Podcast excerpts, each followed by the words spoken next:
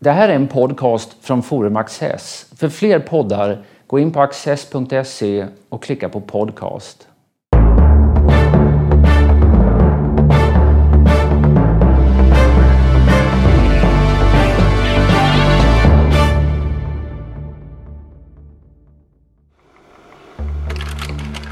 Salman Rushdie, född 1947, är en brittisk-indisk romanförfattare. Han fick ett pyramidalt genombrott med Midnattsbarnen 1981 och slungades ut i storpolitiken med Satansverserna 1988. Till hans senare produktion hör Marken under hennes fötter 1999 och den självbiografiska Joseph Anton 2012. Per Baun, professor i praktisk filosofi vid Linnéuniversitetet, samtalar med Peter Luttersson. Den 14 februari 1989 förändrades eh, världen lite grann och eh, världen för Salman Rushdie i ganska hög grad.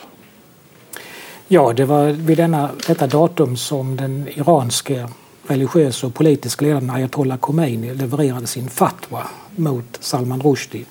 En fatwa som innebar att såväl författaren till boken Satansverserna, alltså Rushdie själv, som de förläggare, översättare och andra som hade med, med boken att göra hotades med döden och Khomeini uppmanade alla rättrogna muslimer att döda dem varhelst man kunde komma på dem. Salman Rushdie eh, hade en bakgrund eh, kan man säga vid det. Han är en brittisk-indisk författare eh, Eh, och han hade haft eh, stor framgång i början på 1980-talet med en roman som heter Midnattsbarnen som eh, är en kärleksförklaring till den stad som på den tiden kallades Bombay eller åtminstone var det det naturliga sättet för Rushdie att tala om den. När Satansverserna skulle komma ut så eh, var det den första stora nästa roman han hade skrivit som Eh, var konstruerad i ett väldigt format och berättartekniskt intrikat och så. Den, eh, den hade fått mycket förhandspublicitet. Eh, man hade förhandlat, han hade förhandlat sig till genom en ny agent eh, gigantiska förskott, tio gånger mer än vad han någonsin hade haft tidigare. Ehm, men själva romanen som då Khomeini påstår att den var eh, Eh, en hädelse mot, mot eh, islam. Hur ser du på romanen som roman? Alltså romanen som sådan är ju en, kan man säga, en allegorisk berättelse om, om hur en, en, religion uppkommer. Och det är klart att valet utav namn på till exempel religionsstiftaren Mahund Eh, som ju då associerat till en, en del eh, öknamn som hade funnits för profeten Muhammed pekar i riktning mot att det är islam som avbildas. Eh, att man dessutom blandar in det här med alltså satansverserna, vissa verser som eh, Muhammed själv skulle i efterhand ha ansetts ha varit inspirerad utav Satan och som man därför strök ur Koranen bidrar till att, att den då uppfattas som också en, en kritik utav islam som religion. Eh, och det kan man säga att det som är lite nytt i den här händelsen är ju då att religionskritiska romaner har ju funnits tidigare men här tillåts inte romanen att vara en roman utan den kommer att tolkas liksom då som ett religiöst eller politiskt kontroversiellt dokument. Och vad mer är författaren så att säga utkrävs ett ansvar som innebär att, eh, ja, att han ska få plikta med sitt liv för att ha skrivit detta. Och det gör att det blir inte längre bara en roman. Eh, det blir inte ens en roman om religion utan det blir en, en så att säga ett lackmustest på vad yttrandefriheten kan eh, vara värd när den konfronteras med religiös fanatism och oförsonlighet. Som jag läser romanen, det, det är länge sedan jag har läst den, men jag läste den i samband med det här skeendet. Så minns jag den som en roman som framförallt handlar om öst möter väst.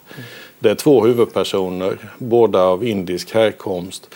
Men den ene väldigt brittisk i sin eh, föreställningsvärld, väldigt västerländsk skulle man kunna säga.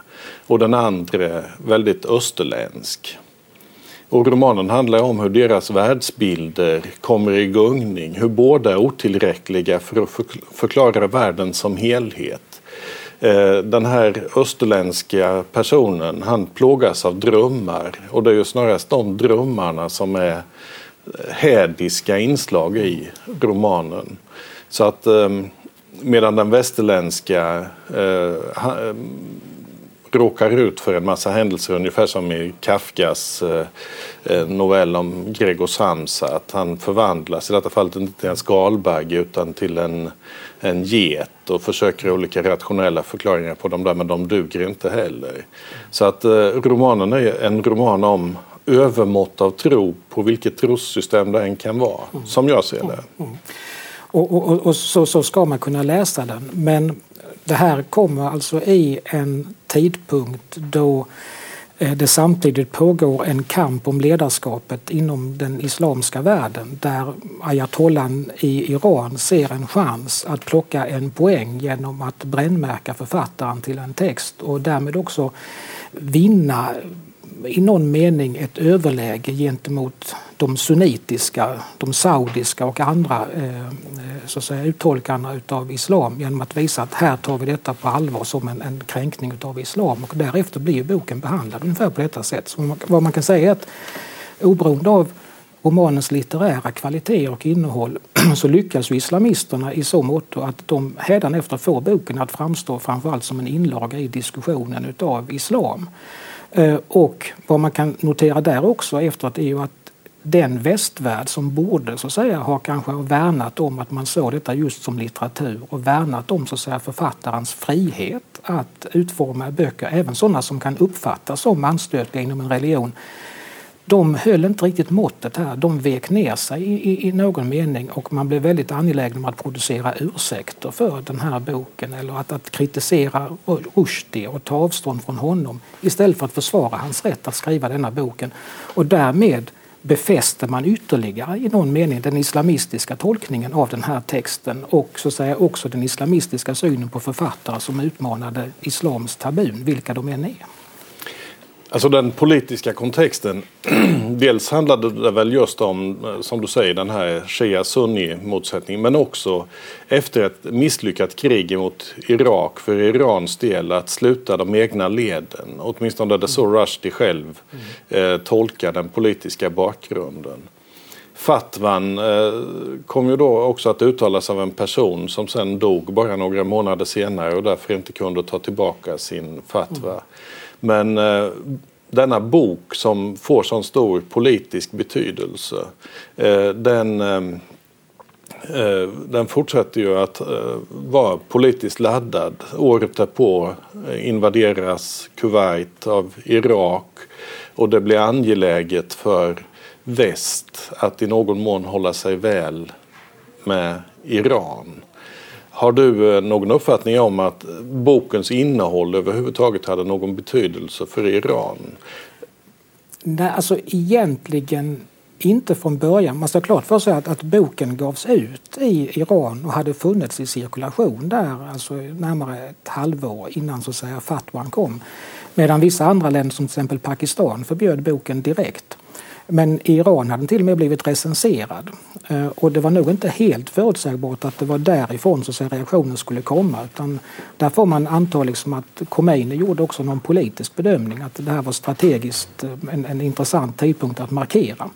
Sen kan man ju notera också att det var inte så att allting uppstod spontant liksom av, i, i den muslimska världen utan det fanns ju också aktivister inom det eh, brittiska eh, islam, islamiska samfunden som så att säga, aktiverade ambassader och andra genom att skicka kopior på sådana stycken i romanen som de uppfattar speciellt hädiska och sätta press på regeringar i arabvärlden att de borde reagera mot detta. Och något liknande förlopp såg man ju ett antal år senare i samband med, med krisen kring eh, eh publiceringen av Muhammedteckningarna i Jyllandsposten då också en, en grupp av danska imamer turnerade Mellersta Östern med så att säga, delvis fabricerade teckningar för att, så att säga, vigla upp liksom en, en opinion och säga att så här behandlas islam i väst. Så att det fanns ju många som var ute efter att, att göra politiska och strategiska poänger på detta och eh, jag tror att boken så att säga, som, som litterär eh, dess litterära innehåll kom ganska fort i skymundan och sen blev väldigt mycket politik och kulturkonflikt. Men en, en intressant aspekt med just den här romanen som jag vill då understryka att jag tycker att Rushdies två första stora romaner, Midnattsbarnen och Satansverserna, är väldigt bra romaner. Just romaner. Eh, och Rushdies första försvarslinje var ju att man måste försvara texten. Man måste förstå vad den säger. Det är inte en inlaga som uttalar något bestämt om någonting, allra minst om islam. Mm. Utan eh, det är en bok till tvivlets lov och till den kritiska dialogens lov. Äh, lov. Att äh, övertro på vad det än vara må är någonting äh, negativt och dåligt. Men när man man äger ju inte tolkningen av sitt eget verk och så fort den kommer ut i samhället möter man en massa saker som också kan vad ska jag säga, förstärka motståndet. Mm. Det tyska förlag som skulle ge ut en tysk översättning eh, river kontraktet. Vilken betydelse hade eh, vad ska jag säga, denna eftergivenhet för den fortsatta utvecklingen? Jag tror framförallt att det stärkte inte minst islamister men även andra eh, religiösa fanatiker av olika schatteringar i deras övertygelse om att västvärlden är ganska mjuk när det kommer till att försvara det fria ordet. Eh, lägger man sina hot om våldshandlingar på rätt nivå och man, man, kan ge intryck av att de har tillräckligt stor uppslutning bakom detta så kommer många sekulära demokratier att, att vika ner sig och eh, istället börja tala om vikten av att respektera religion, att inte religioner ska kränkas. Och därmed kan man ju då under täckmantel av någonting som låter väldigt eh, försynt och framsynt och förnuftigt att man ska visa respekt så kan man i själva verket försvara att man viker ner sig. Eh, och, och, man kan ju ibland kanske jämföra en del av så att säga, de, de västerländska regeringarnas reaktion i Rushdie-affären men också i senare liknande affärer eh, men en variant av Stockholmssyndromet. Alltså att när man inte längre kan påverka situationen, när man uppfattar liksom att man ställs inför våldshot som är en övermäktig så identifierar man sig istället med de som hotar en till en viss nivå och, och, och, och eh, säga det att vi måste ändå förstå dem. Eh, de vill bara ha respekt och vi ska undvika att, att, att kränka. Och därmed drar man tillbaka försvaret för de författare när de kanske bäst skulle behöva det. Eh, där man till varje pris vill undvika konflikten, hitta en lösning där alla kan komma i, i samspråk med varandra. Och, och man ska inte heller glömma andra affärer som kom alltså efter Salman Rushdie-affären. Eh, vi hade Theo van Gogh i Holland som, som mördades 2004 efter att eh, tillsammans med Ayaan Hirsi Ali gjort den islamkritiska filmen Submission.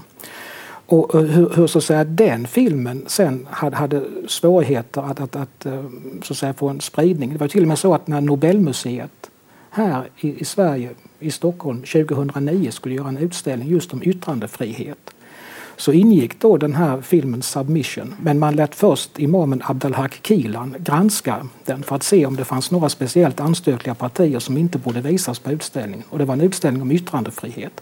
Och argumentet var detsamma här. Man vill ha ett, som man sa, ett sansat bruk av yttrandefriheten. Man vill inte så att säga förolämpa, inte kränka. Och allt det där låter ju väldigt bra. Men frågan är så att säga, hur mycket försvar kommer yttrandefriheten att få? Om man hela tiden ska leta efter en anledning att gå de som är mest kritiska mot yttrandefriheten till, till mötes och, och erbjuda dem eh, så att säga kompromisser som de facto innebär att vissa saker inte kan sägas. Så att problemet blir kanske inte så att säga att man inför censurlag utan det är snarare att, att man ger stöd till självcensur. Alltså att man, man, man uppmuntrar till en sorts försiktighetens klimat där litteraturen kan få sitta emellan. Men här, här är Rushdies bok ändå eh, en avgörande vändpunkt. Mm. Eh, Rushdie skriver ju om sin egen erfarenhet eh, nyligen i en självbiografi som heter Joseph Anton.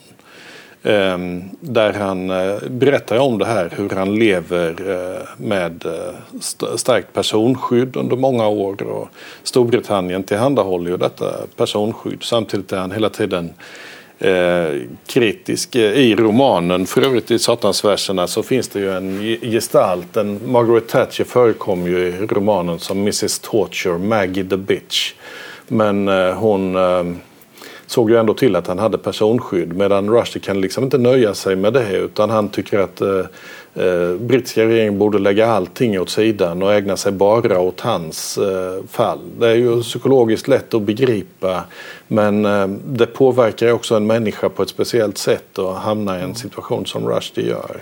Så är det ju. Alltså det förändrar ju eh, nog också förståelsen av proportioner det förändrar nog förståelsen, eh, eller minskar helt enkelt förståelsen för det politiska spelet. Alltså stater och regeringar agerar ju på ett annat sätt. De, de, de försöker i görligaste mån undvika konflikter. Och, det, eh, och så var ju även i Storbritannien i samband med, med, med Rushdie-affären där ju man också tog initiativ till en diskussion om man skulle förändra lagstiftningen så att den skulle kunna erbjuda skydd mot icke-kristna religioner. För att så långt var det bara den kristna religionen skyddad enligt så att säga hädelselagstiftning. Men att man ville utvidga det här så att yttranden som kunde uppfattas som anstötliga i icke-kristna religioner skulle i någon mening kunna medföra ett, ett, straffansvar. Det lyckades man inte med men alltså att, att det där var ju återigen ett sätt på vilket regeringen försökte alltså förekomma eh, tumult och oro kring publikationer som kunde antas stöta religiösa intressen. Och återigen, det var ju inte ett sätt att visa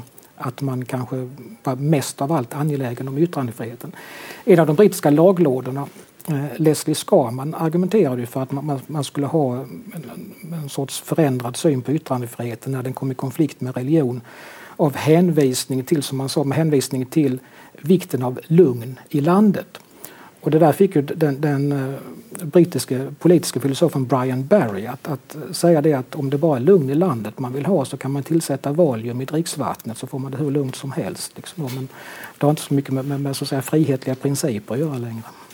U. Josef Anton kanske ska förklara titeln för övrigt. Josef Anton heter boken därför att det var det namn som Rushdie använde sig av när han var i Eh, i personskydd innan han återigen blev en offentlig person. Och han tar namnet av Josef från Josef Konrad och Anton från Anton Tjechov.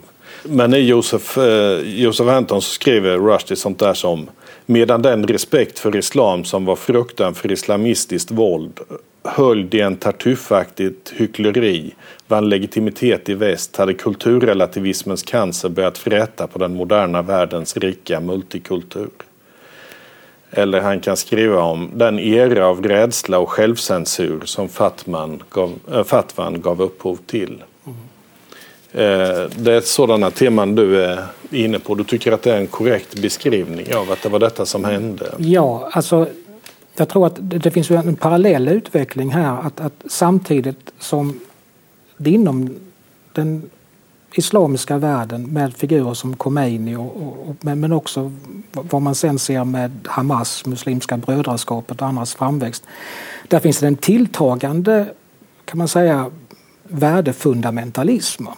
Medan parallellt i västvärlden har det varit mer av en värderelativism där man ifrågasätter värden, inklusive sina egna, väldigt mycket. Där man är full av självkritik, där man är beredd att ta avstånd från mycket av det som tidigare har, har setts som själva fundamentet för det västerländska samhället med individens rättigheter, med, med ömsesidiga rättigheter och skyldigheter som medborgare och backa ner lite grann till, till, till, att betona att olika kulturer kan ha olika intressen, att man måste ta hänsyn till kulturella värden när man lägger upp ett samhälles lagstiftning och annat.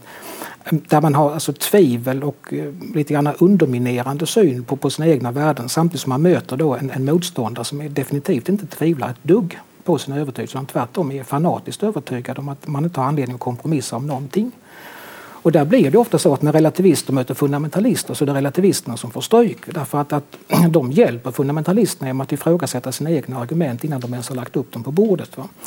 Och, och, det är lite grann det man ser i, i den här hanteringen ut, utav eh, Rushdie-affären. Att, att, eh, så att säga, de västerländska demokratierna möter så att säga, själva värdediskussionen omkring det fria ordet med ena handen bunden bakom ryggen medan de andra har båda knytnävarna uppe. Liksom då, och, och eh, det finns ett annat problem med detta och det är att man i någon mening också gör det svårare för krafter inom den muslimska gemenskapen att reformera denna. Därför att i sin vilja att undvika konflikter kring skrifter som Rushdies och andras så söker man dialog med de mest ortodoxa krafterna inom islam och låter dem representera muslimerna i olika typer av eh, interreligiösa råd, eh, Eh, olika typer av samverkansgrupper. Medan man därmed så att säga, lämnar de sekulära muslimerna helt utan representation och att muslimer kommer att identifieras med de mest ortodoxa, vilket så att säga, givetvis dessa ortodoxa grupper tjänar på. De, får, alltså, de kan lyfta fram sig själva som en dialogpartner samtidigt som de är de minst intresserade av dialog av alla. Och en del av den bakgrunden är just alltså en, en, en väst som tvivlar på sig själv väldigt mycket, som inte tror att, att, de, att, att yttrandefriheten är faktiskt värd att försvara fullt ut. Sen ska man ju också se, när Rushdie kommer ju ur sin situation kan man säga. Det gör han i mitten av 1990-talet. Eh, från början får han egentligen starkast stöd från USA, inte från Storbritannien eller Europa. Man kan se det på allting. Tidningarna är ganska eh, vacklande i sin hållning i Europa och mer tydligt eh, på hans sida i Amerika ett antal amerikanska senatorer och så småningom Bill Clinton träffar honom och ger honom sitt stöd vilket också gör att internationella organisationer, EU-parlamentet i och för sig, eller G7 ger honom stöd. Men en som också ger honom stöd i mitten av 1990-talet som jag tycker är viktigt att påpeka det är hundra arabiska författare som ger ut en bok som heter Poor, uh, Poor Rushdie. Mm. Uh, och, um, Eh, där man eh, på olika sätt eh, försvarar hans rätt att yttra sig, hans rätt att skriva just denna roman. Ja. Så att ehm, det är ju inte, frontlinjerna är inte helt enhetliga men däremot vacklan i försvaret för yttrandefriheten mm. finns ju mycket tydligt.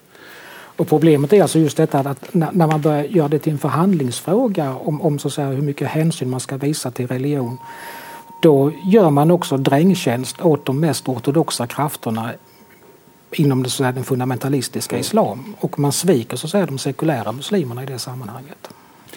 Jo, så, så är det ju. Jag tycker en konsekvens som man bör påpeka här också som inte är politisk utan personlig det, det är den där att eh, eh, Rushdies två första stora romaner de är som medeltida domkyrkour. De är extremt eh, väl komponerade och konstruerade och ytterst läsvärda och bra tycker jag. Eh, men eh, till den nivån kommer han aldrig senare. Eh, varför vet jag inte men det är klart att det påverkar en människa eh, hårt och, och råka ut i en situation som han gör. Han har inte koncentrationen mm. och kanske heller inte engagemanget för att bygga medeltida domkyrkor längre. Mm. Josef Anton är en ganska pladdrig bok som eh, också visar Rushdie från dåliga sidor. Han är fåfäng och självupptagen och eh, imponerad av de kretsar han har hamnat i. Det blir lite skvallerreportage ibland. Eh, att eh, om han har varit någonstans så måste han berätta att det var också den och den och det var ju betydelsefulla personer. Han eh, kan använda en ironi som slår åt båda håll. Antingen mot de som beskyddar honom därför att de beskyddar honom för mycket eller mot de som inte beskyddar honom därför att de inte gör det. Mm. Och han kan inte reflektera över sina egna förgivettaganden. Han berättar till exempel om ett möte med John Major där, där han eh, säger att han är så inställd på att John Major ska vara för, eh, eh, fördomsfull emot honom. Men när han inte är det eh, så eh, blir han överraskad. Men han gör aldrig reflektionen att han själv har varit fördomsfull mot John Major. Mm. Alltså man, man, man, kan väl tänka sig också att en, för en människa som lever under dödshot en, en väldigt lång tid för vad de har skrivit så, så blir kanske personen så småningom den kommer att, att, att komma före så att säga texten. Alltså att, att författaren blir mer en, en, person som en gång skrev någonting som han fick lida för och sen så kommer lidandet att, att ta överhanden och man blir, man blir självupptagen. Alltså det är inte ovanligt att människor som genomgår svåra saker också kan bli man kan tycka otillbörligt självupptagna men, men det, det är kanske en oundviklig psykologisk process när, när, man så att säga Alltså när man hotas till livet för någonting där man har skrivit så kommer kanske livet helt plötsligt före liksom då det skrivna och man, man blir väldigt självmedveten på gott och ont. Liksom då, va? Man kan säga att en sak som gör att Rushdie klarar sig ur det här eh, det är att han aldrig är beredd på att eh, eh, godta att politiker har något annat engagemang än hans egen sak. Hans självupptagenhet är till nytta för honom. säkert producerad med mycket naturliga psykologiska mekanismer. Mm. Ingenting man kan hålla emot honom eller förebrå honom. Mm. men det gör honom till en sämre författare. Mm. Eh, jag tänkte att eh, man skulle, eller att jag skulle citera också en eh, nyckelmening ur Satansverserna som jag tycker sammanfattar just den här eh, eh, tematiken i boken om att eh, man alltid ska ifrågasätta sina egna utgångspunkter. Eh, vad är motsatsen till tro? Inte otro. Allt för slutgiltigt säkert instängt. I sig ett slags tro. Tvivel. Tvivel är eh, bokens bud. Mm. Så. Och det kan antagligen också vara, vara en sak som stöter alltså fundamentalister. För att fundamentalister kan på ett sätt förstå andra fundamentalister. Eh, de känner igen någonting av sig själva i de som har en stark tro på någonting helt annat. Liksom? Men, men de som tvivlar, det är ju de som egentligen säger emot så att säga, en, en kärna i den fundamentalistiska livshållningen. Liksom då, va? Så att de blir på ett sätt mer, mer, mer provocerande. Det, det finns en viss logik i det där. Jo, man kan ju säga att eh, till Rushdies fiender slöt sig, eller kritiker slöt sig snart. Till exempel vissa Labour-politiker, eh, eh, parlamentsledamöter som var valda i, i valkretsar där de uppfattade att eh, domen mot Rushdie var eh, eh, riktig eller att sympatin för den var spridd. Men också representanter för eh, anglikanska kyrkan som eh, Eh, ärkebiskopen i Canterbury som tyckte att man, tvungen, att man måste förstå, förstå den muslimska freden. Och, och jag tror att man, man, man kan hitta så liknande tendenser i Sverige. Jag, jag tror att Åke Gren har, har, har en, en, del gemensamt med Hizbollahs ledning eller synen på homosexuella till exempel. Då, Så att fanatiker kan alltid hitta varandra över religionsgränser. Va? Men därför är det också ett, ett, ett viktigt ansvar för de som ska stå upp för demokratin och den frihetsprincip som demokratin ytterst vilar på. Att inte vara alltför snabb med att kompromissa. Va? Vi, vi, har ibland en lite överdriven värdering av att kompromissa men kompromissen har sitt värde bara om man vet vad det är man inte kan kompromissa om. Och, och dit hör alltså vissa aspekter som handlar just om yttrandefriheten. För att tvärt vad man ibland tror så är demokratin härledd från en princip om frihet. Det är inte så att friheten kommer från demokratin, alltså att först har vi en demokrati och sen så röstar vi om, om, om att vi ska ha en frihetsprincip. Hade man inte trott på en rätt till frihet från första början så hade det inte funnits någon legitim grund för demokratin heller. Och därför så ska man inte vara för snabb med att sälja ut frihetsprinciper. Vi måste vara mer kompromisslösa vad gäller försvaret av tvivlet. Ja, det är nog kontentan. Tack själv. Tack.